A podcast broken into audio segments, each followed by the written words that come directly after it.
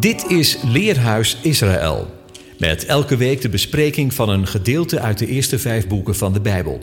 De presentator van deze week is Kees Duizer.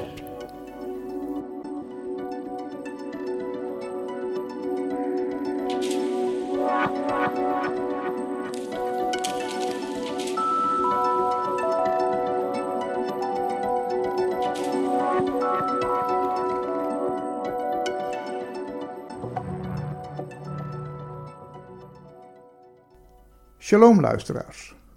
Welkom bij deze nieuwe uitzending van Leerhuis Israël. Deze Shabbat wordt in de synagoge gelezen de parashat We et Ganan. Deze parashat begint in de Warim, Deuteronomium 3 vers 23 en eindigt bij hoofdstuk 7 vers 11.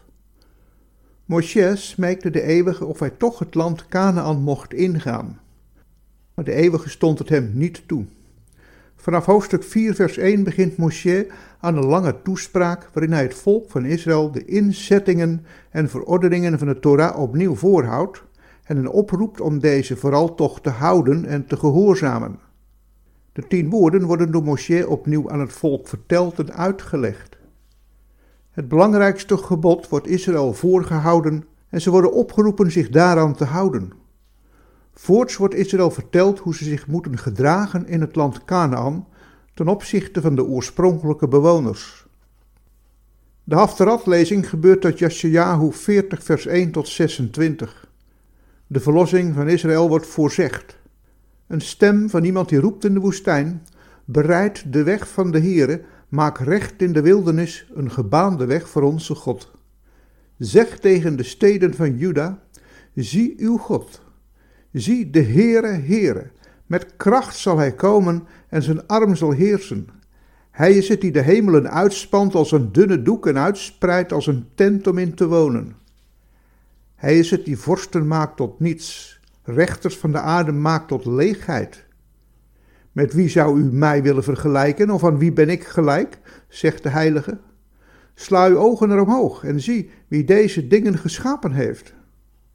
De lezing uit het Berit HaGadashah, het vernieuwde verbond, is het Mattetjahu, Matthäus 23, vers 31 tot 39. Deze tekst is het laatste gedeelte van een reden die Yeshua houdt tegen de Fariseërs en de schriftgeleerden, waarin hij hun huigelachtig gedrag aan de kaak stelt. Yeshua zegt dat hij profeten, wijzen en schriftgeleerden op hen zal afsturen maar in plaats van naar hen te luisteren, zullen zij deze boodschappers doden en kruisigen, geeselen en van stad tot stad vervolgen. Het aanstaande oordeel over Jeruzalem wordt aangekondigd. Want ik zeg u, zegt Yeshua, u zult mij van nu aan niet zien totdat u zegt, gezegend is hij die komt in de naam van de Heere. In deze uitzending bespreken we waar, wanneer en waarom de Torah aan Am Yisrael werd gegeven. Wat is het feitelijk doel van de Torah? En hoe verhoudt zich dat tot ons, hedendaagse gelovigen in het evangelie van Yeshua? Het thema van deze overdenking is waarom gehoorzaamheid? Deel 1 gaat over inzettingen en rechtsregels. Deel 2 over het grote gebod en deel 3 over gehoorzaamheid en leven. Maar eerst luisteren we naar muziek.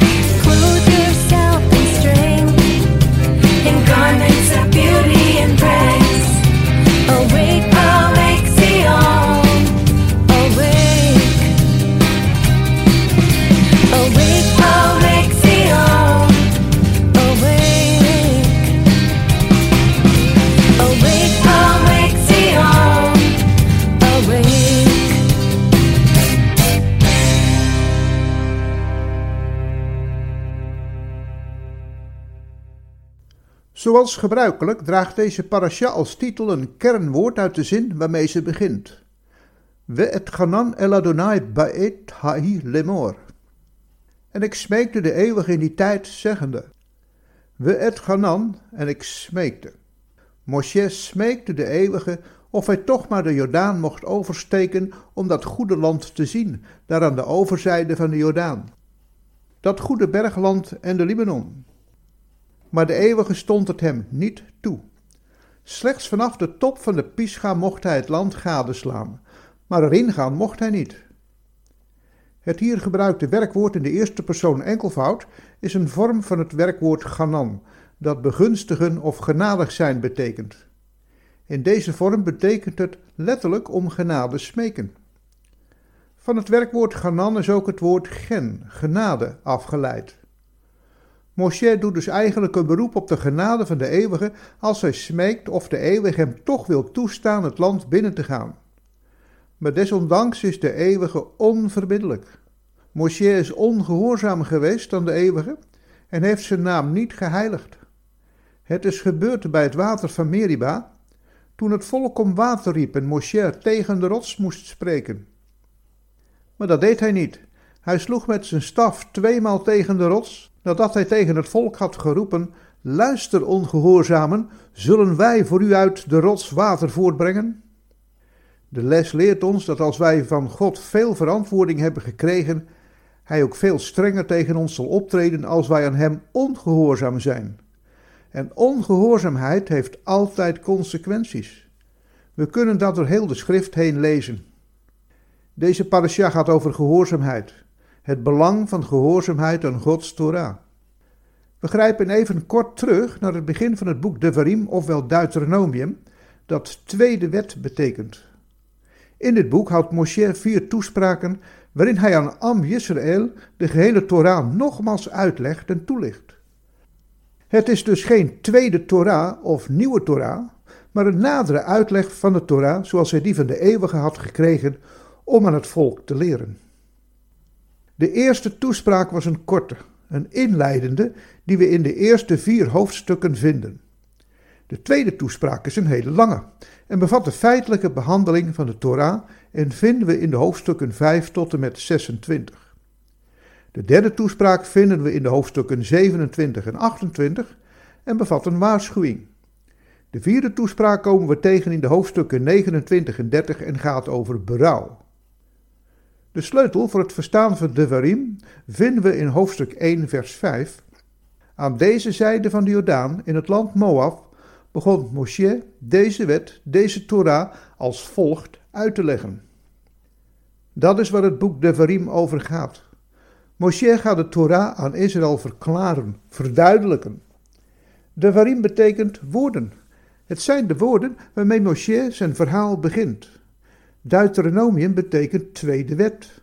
Maar er is geen tweede Torah of een andere Torah die Moshe aan Am Israël voorhoudt. Er is maar één Torah. En die gaat Moshe aan de Bene Israël verklaren. Torah betekent letterlijk onderwijs, instructie. Zo wordt het bedoeld in Devarim 1 vers 5, maar ook in hoofdstuk 4 vers 44. Dit is de Torah die Moshe aan Israël voorhield.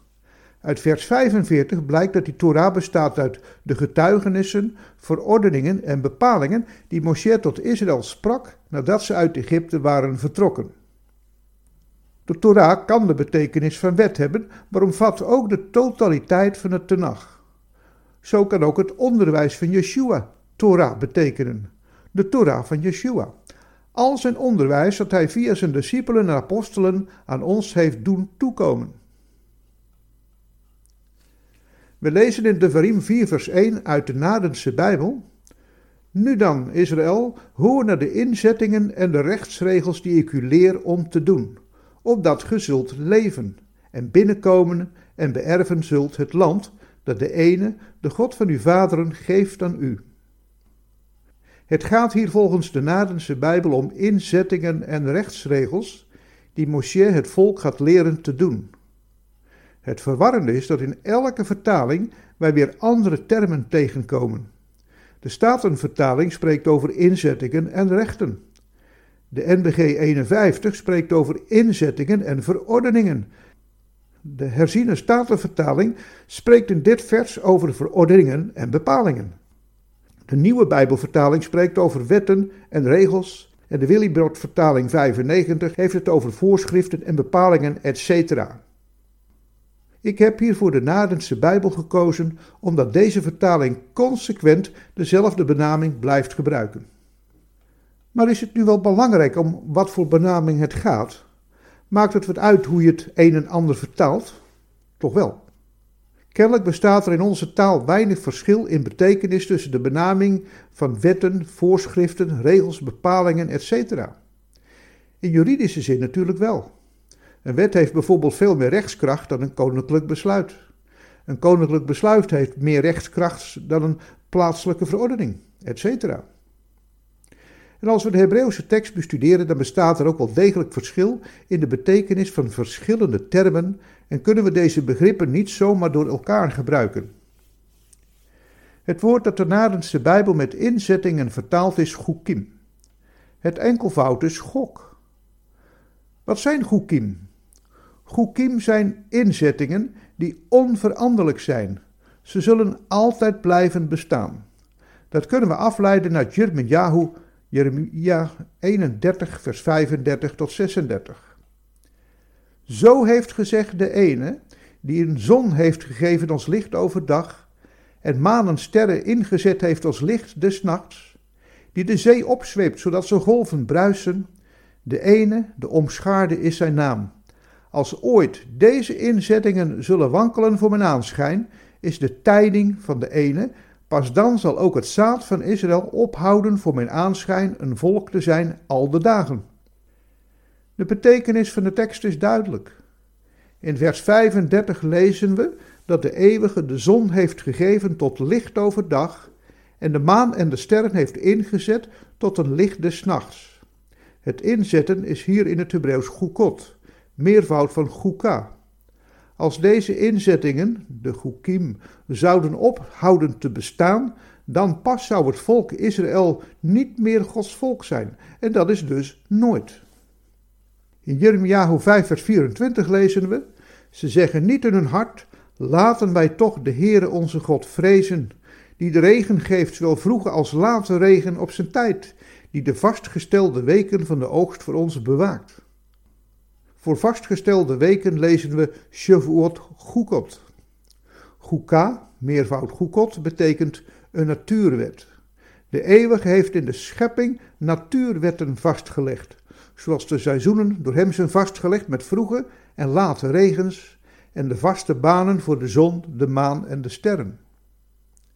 Daarmee wordt de betekenis van Gok, meervoud Goekim in vers 35, gelijkgesteld aan de natuurwetten die door de eeuwige zijn vastgesteld toen hij de hemelen en de aarde heeft geschapen. De inzettingen, waar de Nadense Bijbel in Devarim 4 vers 1 over spreekt, zijn dus onveranderlijke inzettingen die de eeuwige in zijn Torah heeft vastgelegd, te vergelijken met de natuurwetten van de schepping, onveranderlijk. Vervolgens spreekt de Nadense Bijbel in 4 vers 1 over de rechtsregels. In een andere vertaling, zoals de herziene statenvertaling, wordt hier het woord bepalingen gebruikt. In het Hebreeuws vinden we hier het woord mishpatim. Het enkelvoud is mishpat. Het betekent rechtspraak. Het gaat hier om rechten, gerechtelijke uitspraken of vonnissen.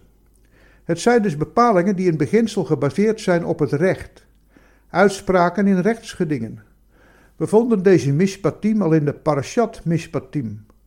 Als we deze bepalingen in Exodus 21 lezen, dan zien we dat het daar gaat over onder andere de rechten van slaven en bepalingen waarbij de rechtspraak een rol speelt, zoals doodslag, mishandeling en diefstal. In het volgende deel gaan we zien waar en waarom Am Yisrael deze Chukim en Mishpatim moest houden.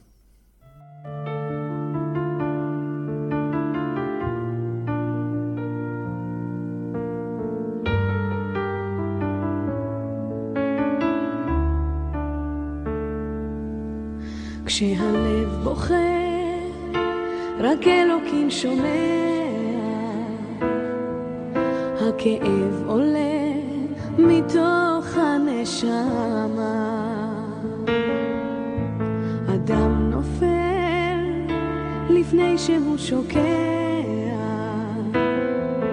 בתפילה קטנה חותכת הדממה.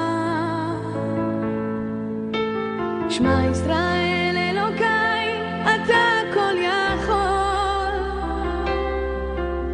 נתת לי את חיי, נתת לי הכל. בעיניי דמעה, הלב בוכה בשקט, וכשהלב שותק, הנשמה זועקת. שמע ישראל אלוקיי, עכשיו חזק אותי אלוקיי, עשה שלא אבחר. הכאב גדול ואין לאן לברוח. עשה שיגמר, כי לא נותר בי כוח. כשהלב בוכה, הזמן עומד מלכת. האדם רואה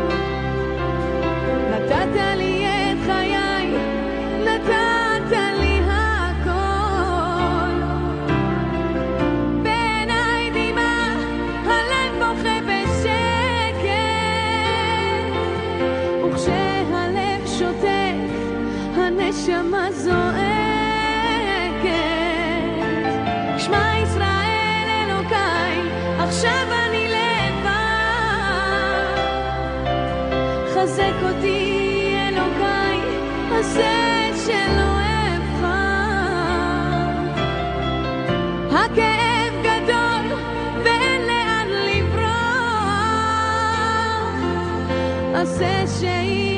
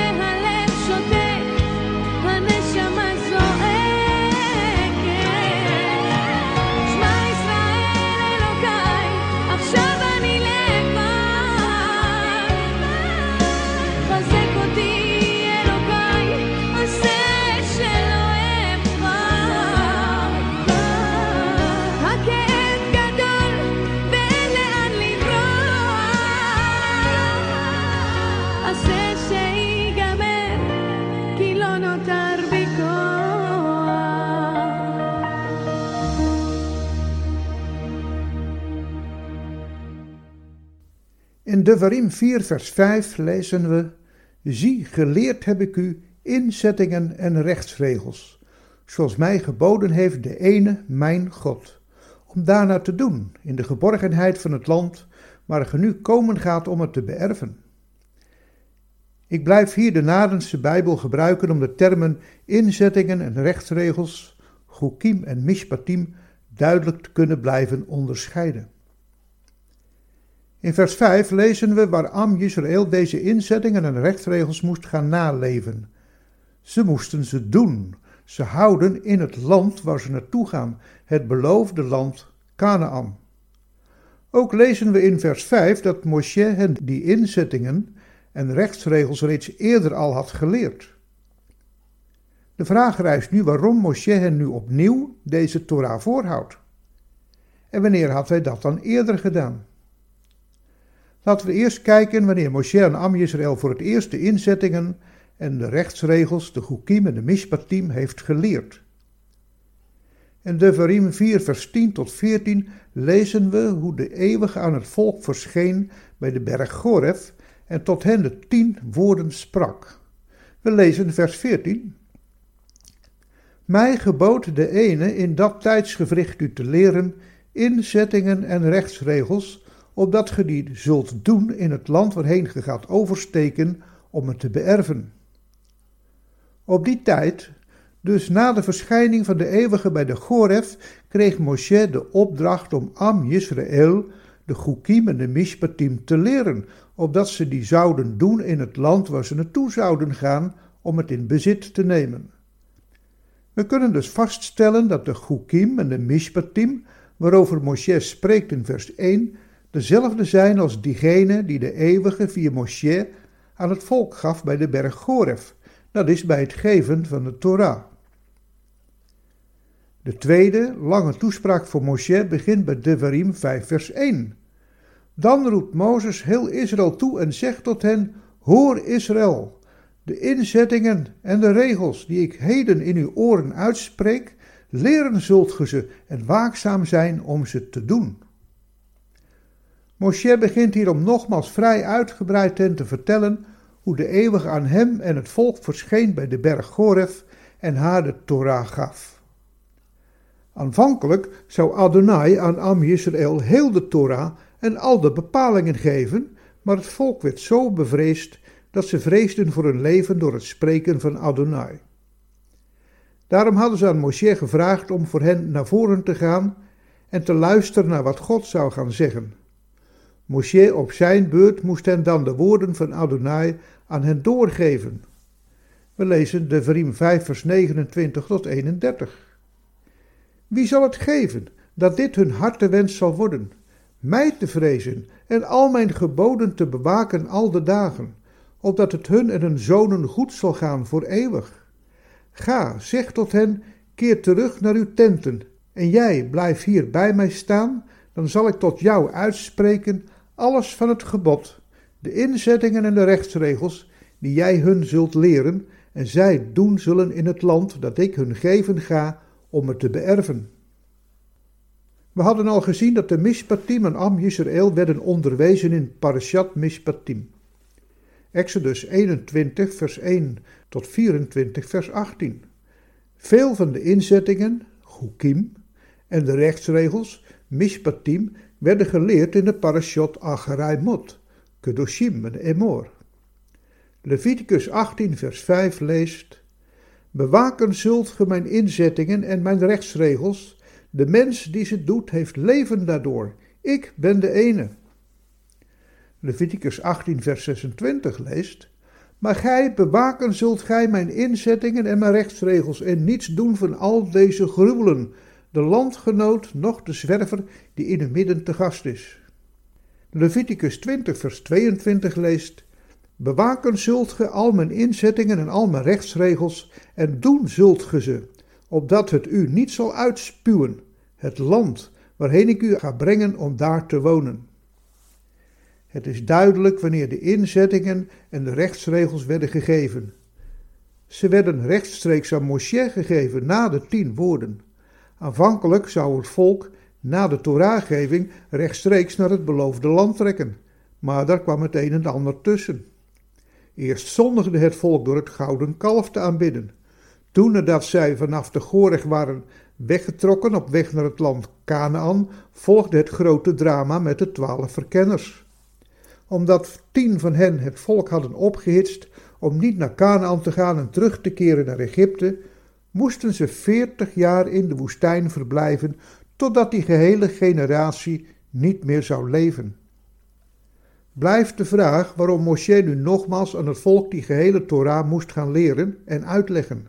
Welnu, de nieuwe generatie van Am Yisrael stond op het punt om de Jordaan over te steken en het land in bezit te gaan nemen.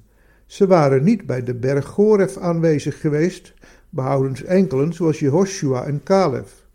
Waarschijnlijk is het daarom dat Moshe aan hen nogmaals uitvoerig de Torah gaat voorhouden en uitleggen.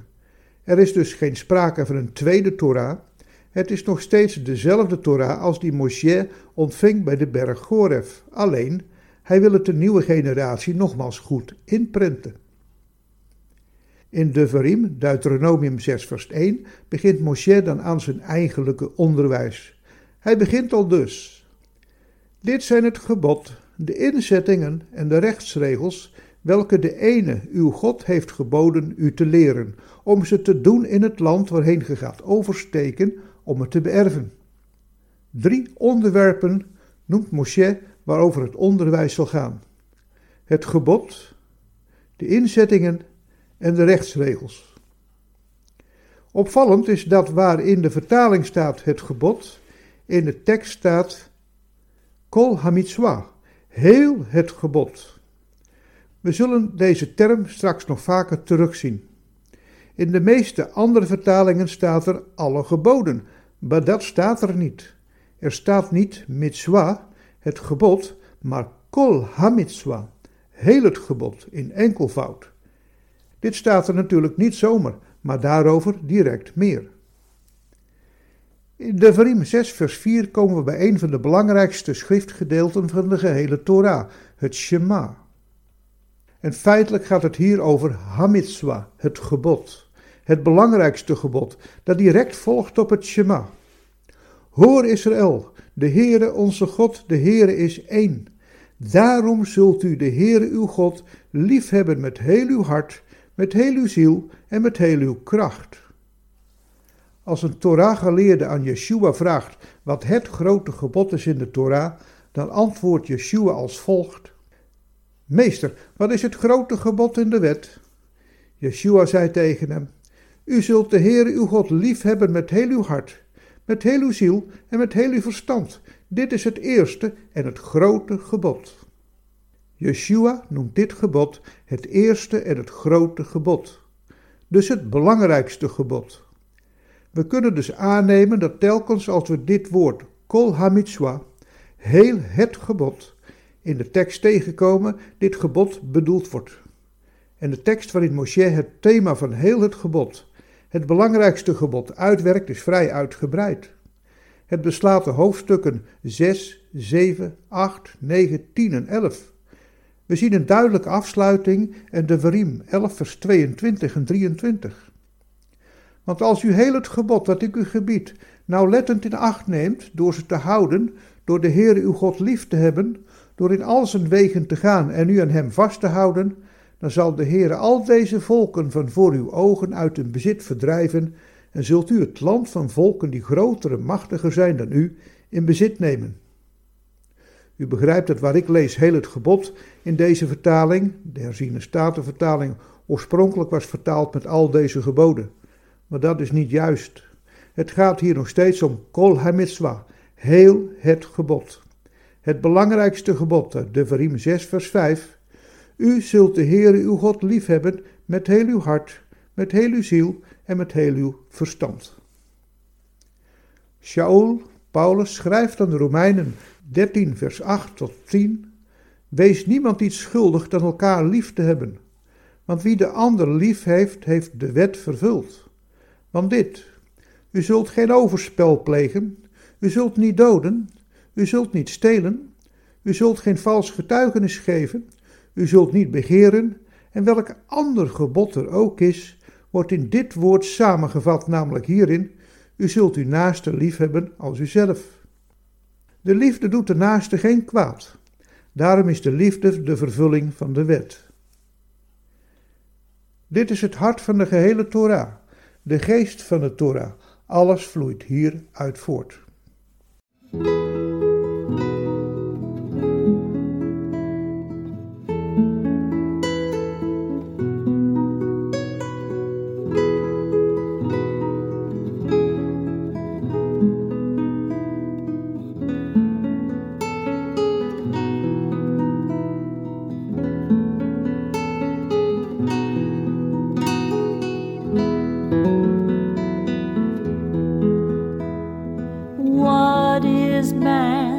That God is mindful of him?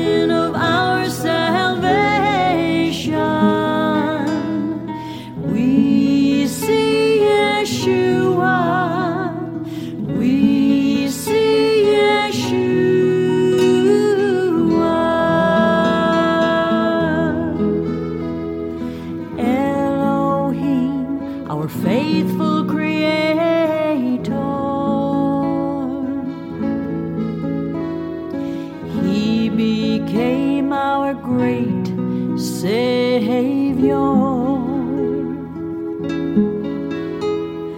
By the sufferings of death, he tasted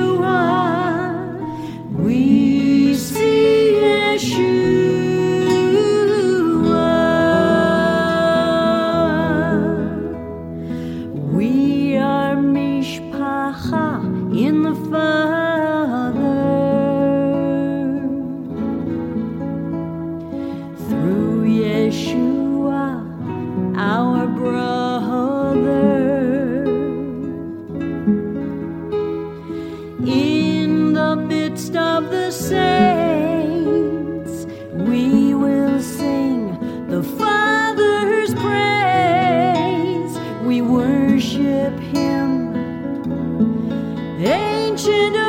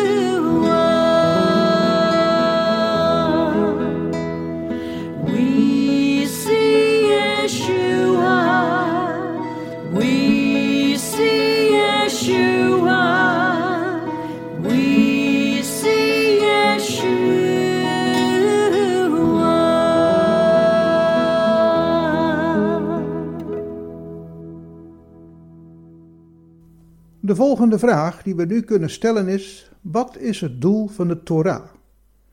Wat is nu de bedoeling van al die inzettingen, rechtsregels, verordeningen of hoe je ze ook noemt? Laten we nog even terugkeren naar de Verim 4 vers 1. Nu dan, Israël, hoor naar de inzettingen en de rechtsregels die ik u leer om te doen, opdat ge zult leven en binnenkomen en beërven zult het land dat de ene, de God van uw vaderen, geeft aan u. Het sleutelwoord hier is opdat gij zult leven. We komen ditzelfde thema weer tegen in vers 4.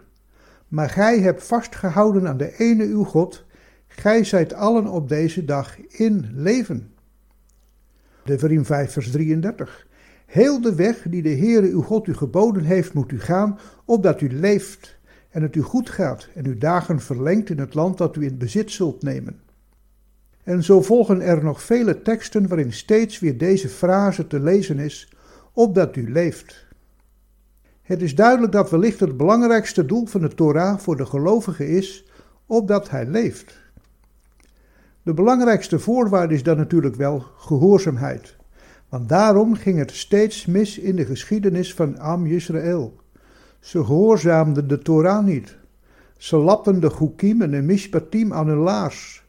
Het gebeurde al zo vaak in de woestijn, zelfs in het zicht van het beloofde land, daar in de vlakte van Moab, tegenover Jericho, ging het mis. Het volk liet zich op instigatie van Bilaam door de vrouwen van Midjam verleiden tot grove ontucht. Ze lieten zich verleiden tot aanbidding van de Baal Peor.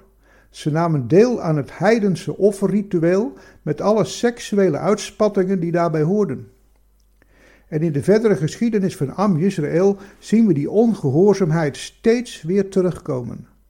En zo is het aan de liefde en de genade van Adonai voor zijn volk te danken dat Am Israël heden ten dagen nog steeds bestaat en dat ze zelfs na bijna 2000 jaar weer in hun eigen land mochten terugkeren. Gehoorzaamheid aan het gebod, de inzettingen en de rechterlijke bepalingen. Het is de basisvoorwaarde voor het leven.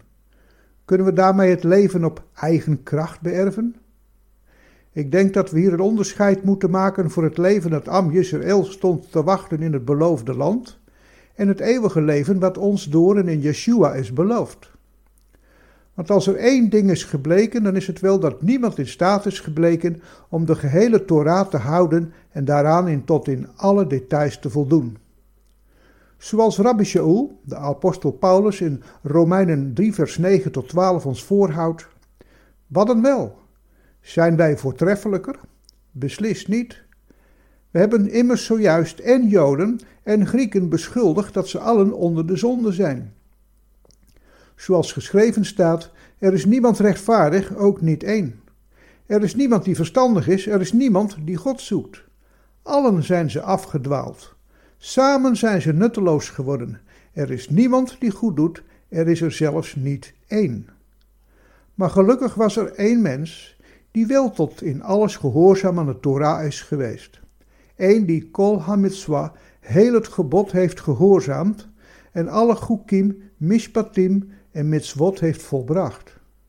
Een mens die de nieuwe Adam wordt genoemd, omdat de eerste Adam wel ongehoorzaam was geweest en het grote gebod niet had gehoorzaamd en daarmee de dood en de vloek over de gehele schepping had gebracht. Over die nieuwe Adam lezen we in Romeinen 5 vers 15 tot 19. Maar het is met de genadegave niet zoals met de overtreding. Want als door de overtreding van de ene velen gestorven zijn, veel meer is de genade van God en de gave door de genade die er is door de ene mens, Jezus Christus, overvloedig geweest voor velen. En het is met de gave niet zoals het was door de ene die zondigde. Want de veroordeling leidde ten gevolge van één overtreding wel tot verdoemenis, maar de genadegave bij vele overtredingen tot rechtvaardiging. Want als door de overtreding van de ene de dood geregeerd heeft door de ene, veel meer zullen zij die de overvloed van de genade en van de gave van de gerechtigheid ontvangen, in het leven regeren door de ene, namelijk Jezus Christus. Zoals dus door één overtreding de schuld gekomen is over alle mensen tot verdoemenis, zo komt ook door één rechtvaardigheid de genade over alle mensen tot rechtvaardiging van het leven. Want zoals door de ongehoorzaamheid van de ene mens velen als zonders aangemerkt worden, zo zullen ook door de gehoorzaamheid van de ene velen als rechtvaardigen aangemerkt worden. Zo mogen wij komen tot deze opmerkelijke conclusie.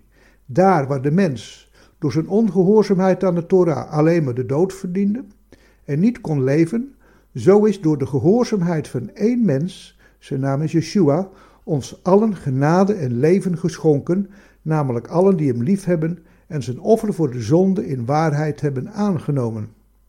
Hij, Yeshua, is na zijn dood aan het kruis in nieuw leven opgestaan. Hij leeft. En wij, die van harte in hem geloven, zijn met hem gekruisigd en opgestaan in datzelfde nieuwe leven.